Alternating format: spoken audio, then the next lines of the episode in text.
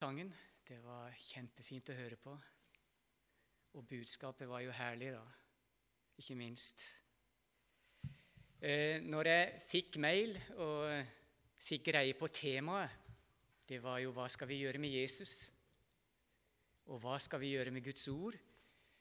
så begynte tankene å surre litt opp i hodet mitt. Og da fikk jeg lyst til å dele litt med dere når det gjelder Guds ord. da. Det er egentlig vanskelig å skille mellom Jesus og Guds ord. For i åpenbaringen så står det om Jesus at han er kalt Guds ord. Så det er veldig vanskelig å skille der. Jesus, han er Ordet, og Ordet taler om han.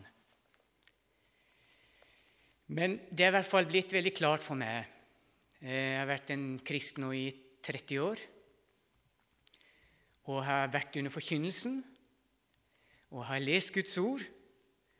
Så dette her blir et personlig vitnesbyrd òg, at Guds ord det er levende, og det er virkekraftig.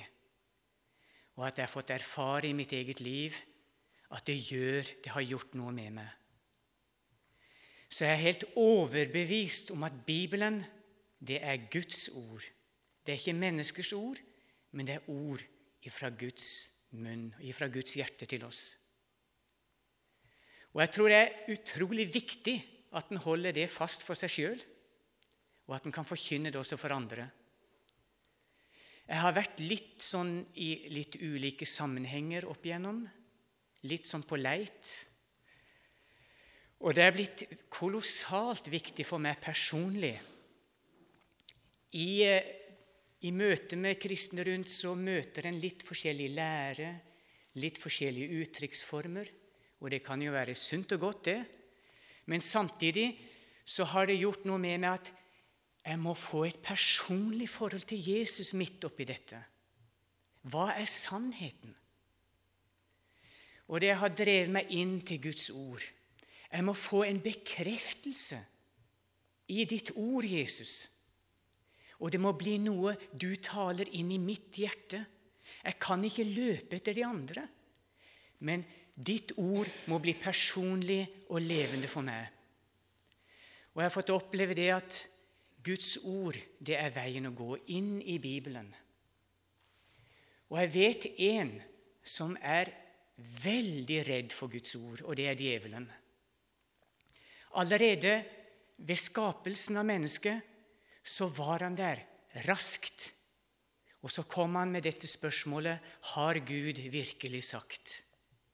Djevelen skjelver for Guds ord, for det er nemlig sannheten, det vi har fått gjennom Bibelen.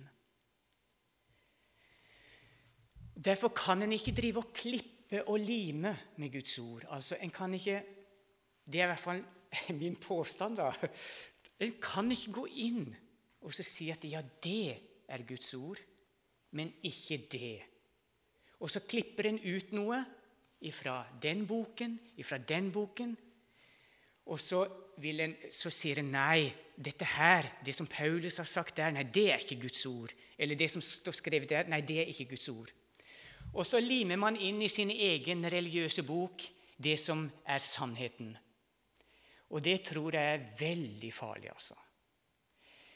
Hvis ikke Gud ja, sånn er det for meg, hvis ikke Gud er så mektig, Han som er himmelens og jordens skaper, han som har skapt meg, hvis ikke han er så mektig og stor at han kan gi meg klare instrukser, rene ord, kunne gi meg sannheten med stor S, så ville det ikke vært noen Gud for meg. Sånn er det. Så like stort som det er at Gud har skapt hele universet, og at han har skapt meg like stort, er det for meg at han har gitt meg en bibel, sitt ord, som jeg fullt ut kan lene meg mot. Virkelig støtte meg til og virkelig stole på. I meg sjøl er jeg en veldig sånn utrygg person. Det har jeg vært alltid. Men jeg har opplevd, etter at jeg ble en kristen, så begynte jeg å finne tryggheten. Og det var det at jeg kunne på en måte finne meg selv i Guds ord. I Guds ord så kunne jeg kjenne meg igjen. I Guds ord så ble jeg avslørt. Det ble satt ord på min synd. Og i Guds ord så tredde Jesus også fram og gjorde seg levende. Og jeg husker spesielt en dag Det var ikke lenger etter at jeg hadde tatt imot Jesus. Så var jeg under en klar og fin forkynnelse om Golgata-verket. Og jeg vet ikke om jeg var sånn født på ny før dette skjedde. Men det er liksom en sånn en merkedag for meg. For da ble altså budskapet jeg hørte, det fikk smelte ved troen i mitt hjerte.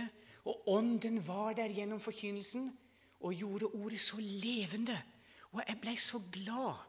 Jeg kjente bare at gleden over at Jesus at han hadde tatt bort min synd, det var noe jeg kunne virkelig kjenne i mitt hjerte. Men det var ordet, det var troen som kom der først. Og så kom gleden og sprang fram i mitt hjerte. Jeg vet ikke om du har lest historien om Maria som var svanger med Jesus. Og så kommer hun for å møte Elisabeth. Og så hilser Nå må jeg få det rett her. Så hilser Maria. Hun hilser med Guds ord. Inspirert av Den hellige ånd så hilser hun med et Guds ord til Elisabeth. Og når Elisabeth får høre disse ordene, disse livssalige ord, så står det at fosteret i hennes, hennes liv sprang av fryd. Guds ord er levende. Det skaper det det sier, det skaper det det nevner. Guds ord, det har livskraft i seg selv. Det er som sæd som såkorn som har spirekraft. Det er bare for menneskene at vi har den gode jord, at vi har et åpent hjerte, og at vi kan ta det imot som Guds ord, som Guds røst til meg. Så vil det spire fram noe. Det står at troen kommer av forkynnelsen. Så når vi bare stiller oss inn på de møtestedene Gud har gitt oss, at vi stiller oss inn under Guds ords forkynnelse Det er kanskje det kraftigste og sterkeste møtestedet Gud har gitt oss. Mariaplassen. At vi stiller oss inn der og åpner oss for Guds ord. Så vil ordet etter hvert spire fram og bære frukt i våre liv. Men den onde vil være der, for han vet at Guds ord er sannheten. Han vet hvor farlig det er at menneskene åpner seg for Guds ord. For da begynner han å miste taket på mennesket. Og I lignelsen så sier Jesus om dette såkornet som hadde spirekraft i seg selv, Matteus 13, om såmannen som representerer Jesus, og om såkornet som er Guds ord, så så da Jesus ut ordet alle steds. Og så står det fra vers, nei, fra 18, vers 18 Hver gang noen hører ordet om riket og ikke forstår det, så kommer den onde og røver det som er sådd i hans hjerte. Når Guds motstander har slik ærefrykt for ordet, så må også vi ha det. Må Gud gi oss en dyp ærefrykt for Hans ord. At vi virkelig tror at det er Hans eget ord vi står overfor. Og at vi står på hellig grunn når vi nærmer oss Bibelen.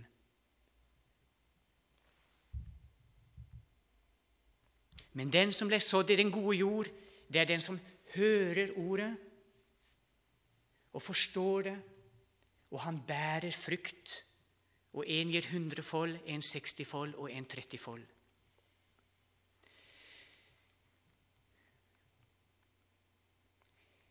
Hvis en, slik som jeg sa innledningsvis, hvis en velger og vraker i Guds ord, så står det så kommer en inn under Guds dom. For i åpenbaringen så står det 'den som' tar bort noe eller legger til noe, den kommer inn under Guds dom. Så vi må bare, holde det fram slik det er. Derfor formaner også Paulus i eh, et eller annet brev så sier han 'legg vind'. Legg vind på opplesning av Skriften. Legg vind på opplesningen av Skriften. Fordi Guds ord er sannhet, og fordi det er virkekraftig, og fordi det kan gjøre noe med den som hører det. Legg vind på opplesning av Skriften.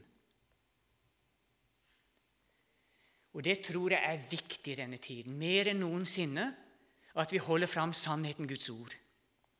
Veldig viktig. Det sto om Paulus at han var i Efesus i tre år. Og jeg tror daglig så forkynte han Guds ord til efeserne. Daglig forkynte han det, og han forkynte hele Guds råd til frelse. Alt Guds ord la han frem for dem. Så alle sider ved Guds ord er viktige. Peter hadde skjønt det, virkelig. Han hadde fått en åpenbaring av hvem Jesus var, og hvor viktige de ordene han hadde talt til dem, var. Da Jesus var samla sammen med en mengde mennesker, så vokste antallet etter hvert, fordi de så de under og tegn han gjorde. Og Det kan virke som at det var en mengde med mennesker når vi kommer til Johannes evangeliet, kapittel 6. Da skjer dette med brødunderet. Og det var skarer av mennesker som fulgte Jesus på grunn av det de så, de tegn han gjorde. Men så begynte Jesus etter hvert hvis Du, du kan lese eh, fra det sjette kapittelet utover. Så begynte han å tale om seg selv hvem han var, hvorfor han var kommet. Bl.a. dette at han var livets brød som var kommet ifra himmelen. Og uten at de tok imot han, uten at de spiste av dette brødet, så kunne de ikke få del i livet.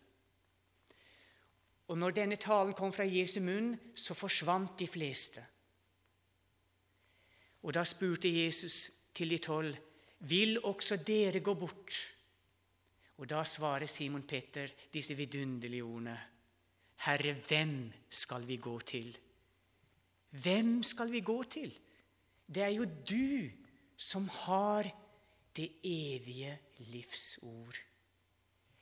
Så der er altså ord som er evige, og som det er liv i, og som skaper liv. Og det er det bare Bibelen, det er bare Guds ord, som kan gjøre det. Og jeg er så glad at det er noe som er evig her på jorden. For vi merker fort forgjengeligheten. Er det 20 eller 25 år mennesket er på topp, sånn legemlig, og etter det så går det bare nedfor bakke. Men tenk at det er noe som er evig. Gud har lagt evigheten inn i menneskets hjerte, ja. Og så har han også gitt oss sitt evige ord. Himmel og jord skal forgå, men mitt ord skal bestå i all evighet. Så hvis vi skal fordele ikke bare har all, all, Han har lagt evigheten ned i våre hjerte, ja, men utgangen er enten evig død eller evig liv. Men tenk at dette ord kan føres over ifra døden og til livet. Ifra Satans makt og til Gud. Tenk at dette ord ifra Bibelen kan føde oss på nytt og gi oss del i guddommelig natur. Det er fantastisk.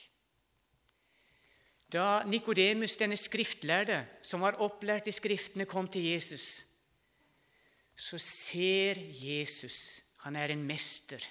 Han ser inn i hjertet til hvert enkelt menneske, og så ser han hva den enkelte trenger.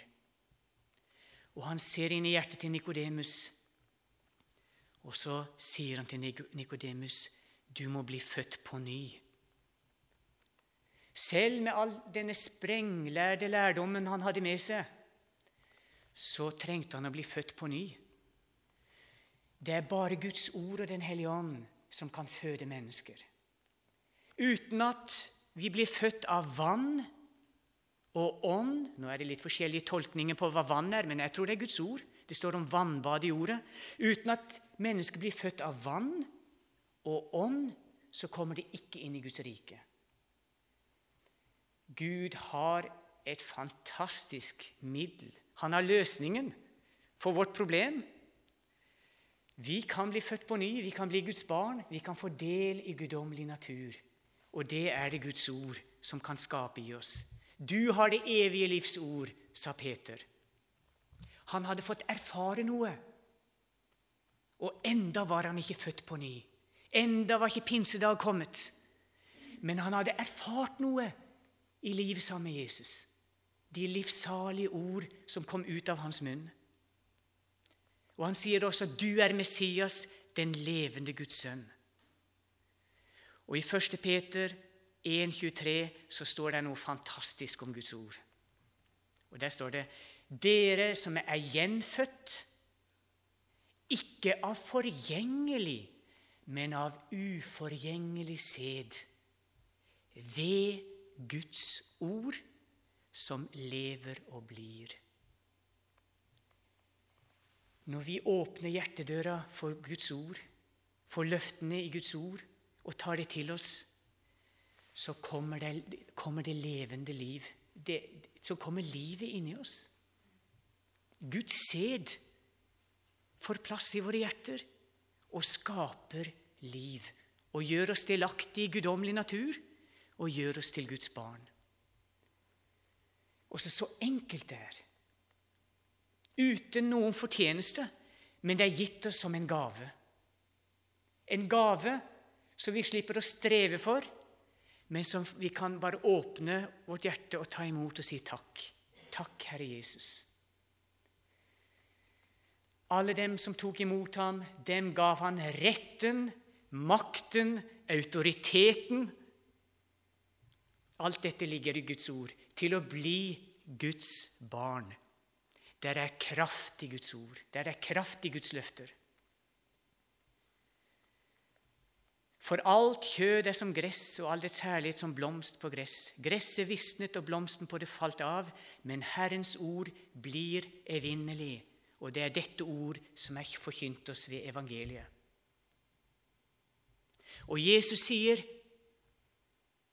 'Dere ransaker Skriftene, og det er de som vitner om meg', sier han. Altså Det gamle testamentets skrifter vitnet om han.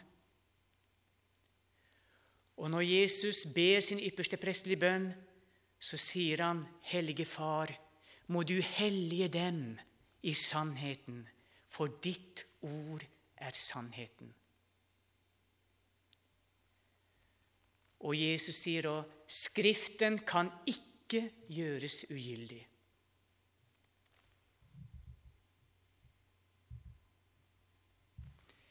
Peters bekjennelse, 'Herre, du' har det evige livs ord. Troen kommer før følelsen. Lydigheten kommer før, før følelsene. Når vi er lydige mot Guds ord og tar det imot og innordner oss under det, så kommer følelsene på plass. Det er ikke følelsene vi skal søke etter. Jeg har vært på møter hvor jeg mistenker at det har vært målet gode følelser. Men det er ikke det som er målet. Selv om uten følelser så hadde vi ikke kunnet leve. Og jeg er så takknemlig for at Gud har gitt meg følelser. Jeg er en sånn en. Sangvinsk natur og blir veldig lett glad. Men jeg kan lett bli litt nedfor òg. Men det er troen det er Guds ord vi skal være opptatt med. Det er Guds ord vi skal ta imot og underordne oss. Det er Guds ord som skal få plass i våre hjerter. Da Peter fikk den fine anledningen å bli med Jesus opp på Forklarelsens berg sammen med var det to andre disipler så opplevde de noe fantastisk, altså, som Det må ha vært en følelsesmessig rus for dem alle sammen. Og det var så følelsesmessig sterkt for Peter at han visste nesten ikke hva han skulle si. Der var Jesus forklaret i herlighet, og der var Moses, denne største mannen som fantes i Det gamle testamentet. Og der var Elias, kanskje den største profeten Israel har hatt. Og det må ha gjort et, et utrolig inntrykk å høre Guds røst òg. Dette er min sønn, den elskede. Bare hør ham, hør ham, hør hans ord. Senere så skriver Peter Peters brev, og da sier han noe fra kapittel 1, vers 16. For ikke var det kløktige, uttenkte eventyr vi fulgte da vi kunngjorde vår Herre Jesu Kristi makt og gjenkomst, men vi hadde vært øyenvitner til Hans storhet. For han, altså Jesus, fikk ære og herlighet av Gud Fader idet en slik røst kom til ham fra den opphøyde herlighet. Dette er min sønn, den elskede, i hvem jeg har velbehag. Og denne røst hørte vi, vitner Peter om, komme fra himmelen da vi var sammen med ham på det hellige berg. Og så sier han noe helt utrolig noe. Og dess fastere har vi det profetiske ord. Og jeg kan ikke tolke det annerledes enn at den opplevelsen der, når Jesus ble forklaret, den var fantastisk. Men dess fastere har vi det profetiske ord. Dess fastere har vi de Guds ord som vi får gjennom Skriften. Sånn tolker jeg det. Det er vår grunnvoll. Det er det vi skal bygge på. Det er det som er klippegrunnen i lignelsen som Jesus fortalte. Det er Guds ord. Dess fastere har vi det profetiske ord.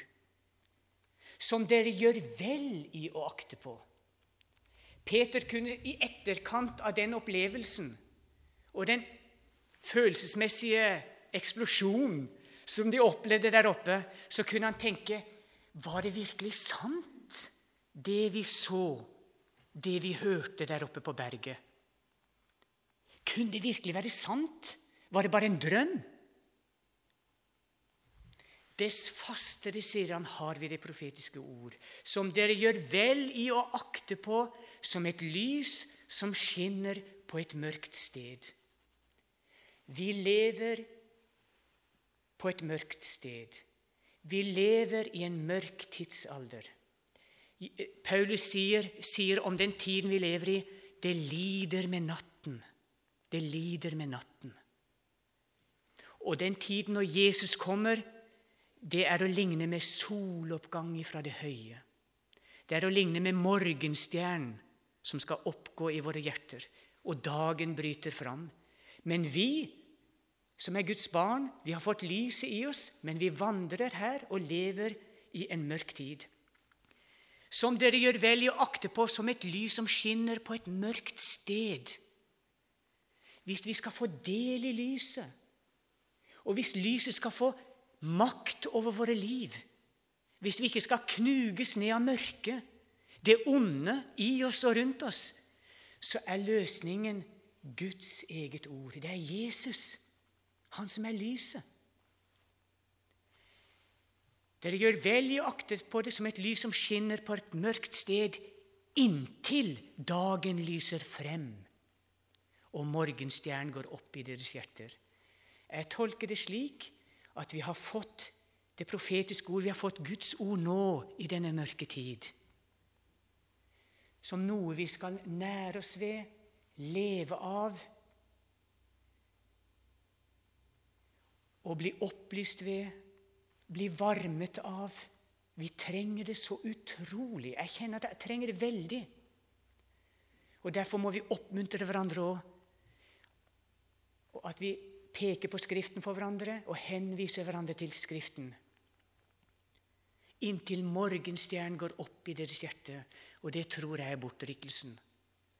Jeg tror Jesu gjenkomst det er i to akter.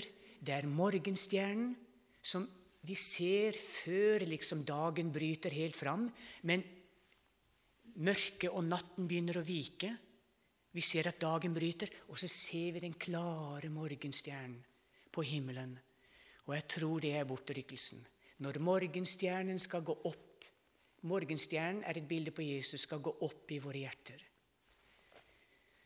Så det er viktig mens vi venter på Jesus, mens før han kommer og henter oss, før, mens vi ennå ser stykkevis og delt, mens vi ennå ser som i et speil For Guds ord er som et speil for oss.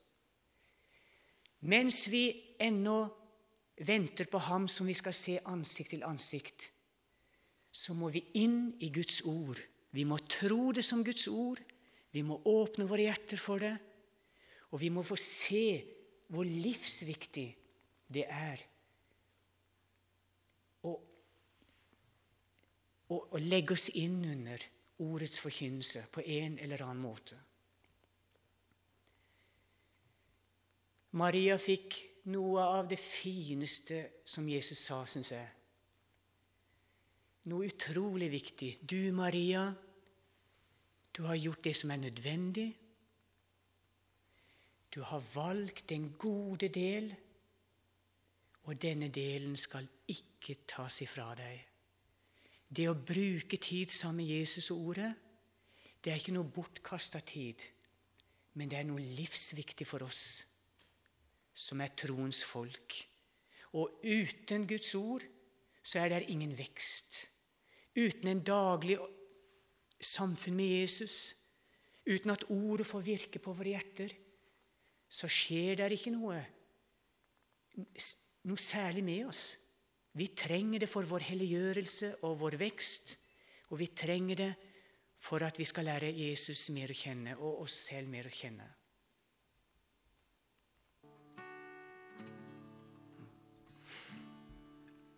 Jeg vil elske ditt ord. Jeg vil leve i ditt ord. Jeg vil stole på at ordet ditt er sant. Jeg vil akte på ditt ord. Jeg vil vente på ditt ord. Jeg vil dele med andre hva jeg fant. ordet ditt, det skaper hva det sier. Som brusende hav og mektig vind. Bryter ned all ondskap og bygger opp vår tro, slik at vi kan få spre din hellige ild. Jeg vil elske ditt ord. Jeg vil leve i ditt ord. Jeg vil stole på at ordet ditt er sant. Jeg vil akte på ditt ord. Jeg vil vente på ditt ord. Jeg vil dele med andre hva jeg fant. For ordet ditt, det skaper hva det sier. Som brusende hav og mektig vind. Bryter ned all ondskap og bygger opp vår tro, slik at vi kan få spre din hellige ild